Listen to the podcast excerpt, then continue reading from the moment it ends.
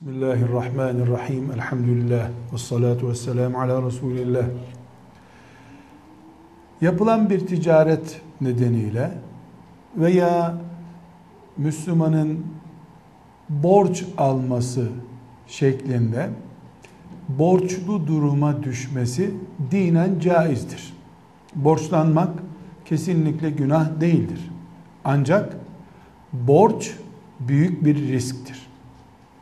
Bu nedenle Resulullah sallallahu aleyhi ve sellem Efendimiz borçlu konusunda çok önemli uyarılar yapmıştır. Bir defasında borcu bulunan bir Müslümanın cenaze namazını kılmak istemediği de görülmüştür.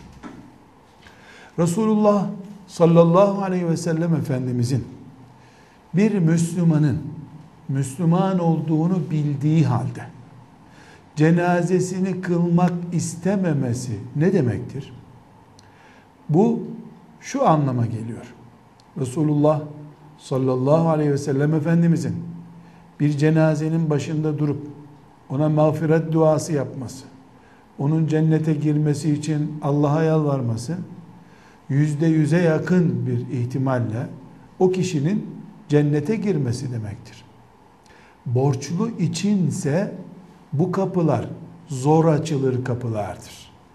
Bunun için Resulullah sallallahu aleyhi ve sellem Efendimiz borçlunun borcu kadar rehin tutulacağından söz etmektedir. Müslüman prensip olarak yağıyla kavrulmasını bilmelidir. Borçlanmadan yaşamalıdır. Çağımızda borçlanmaya karşı büyük bir teşvik vardır.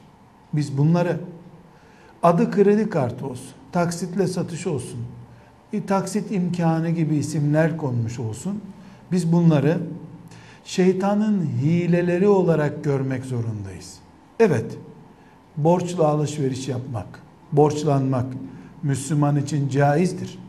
Ama şahsiyetli bir Müslüman elindeki parası kadar harcama yapmalı, borçlanma yolunu denememelidir. İlla borçlanan o borcunu kesinlikle belgelemelidir.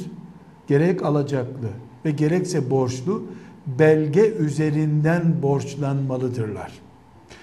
Sözlü borçlanmaların bir değeri yoktur. Kur'an-ı Kerim en uzun ayetinde borçların yazılmasını, rehini ve kefaleti söz etmektedir. İtimada, dostluğa, Müslüman arkadaşlığına, cemaat arkadaşlığına güvenip borçlanmak, borç vermek, taksitli, borçlu ticaret yapmak doğru değildir. Doğru olan herkes için geçerli hukuki belge hazırlamaktır. Bu çok önemli. Müslüman borçlanmadan yaşamalı. Borçlanırsa borcuna karşılık Allah'ın ondan hesap soracağını bilmeli, çok çalışmalı, iktisat etmeli, borçtan kurtulma yolunu bulmalıdır.